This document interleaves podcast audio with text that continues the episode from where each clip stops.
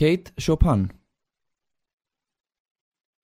Kate Chopin 1851 til 1904 er einn af þekktari smásagnahöfundum bandaríkjana og verk hennar hafa verið þýtt á fjölmörg tungumál.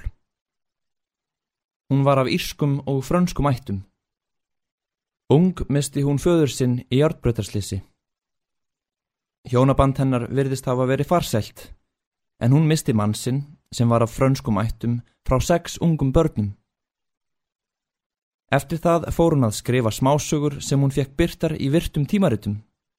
Þær byggðust á reynslu hennar og þykja lýsa vel mannlífi í Suðuríkjónum.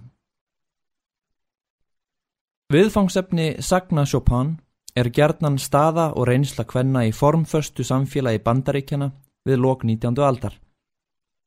Hjónaband og barna uppeldi koma þar við sögu og svo spenna sem myndast hjá þeim konum sem reyna að brjótast undan þeim viðjum sem umhverfið setur þeim. Opinská umfjöllun Kate Chopin um tilfinningar óstýrilátra kvenna fór fyrir brjóstið á mörgum samtímamönnum hennar og sum verk hennar, engum skáltsagan The Awakening 1899, fengu neikvæða dóma. Það var ekki fyrir ná sjúunda áratug 20. aldar að Chopin var endur uppgötuð. Skáldsagan The Awakening, Sálin Vaknar, hefur verið gefin út á íslensku í þýðingu Jóns Karls Helgasonar, Bjartur 1997. Smásagan Saga um klukkustund kom út árið 1894.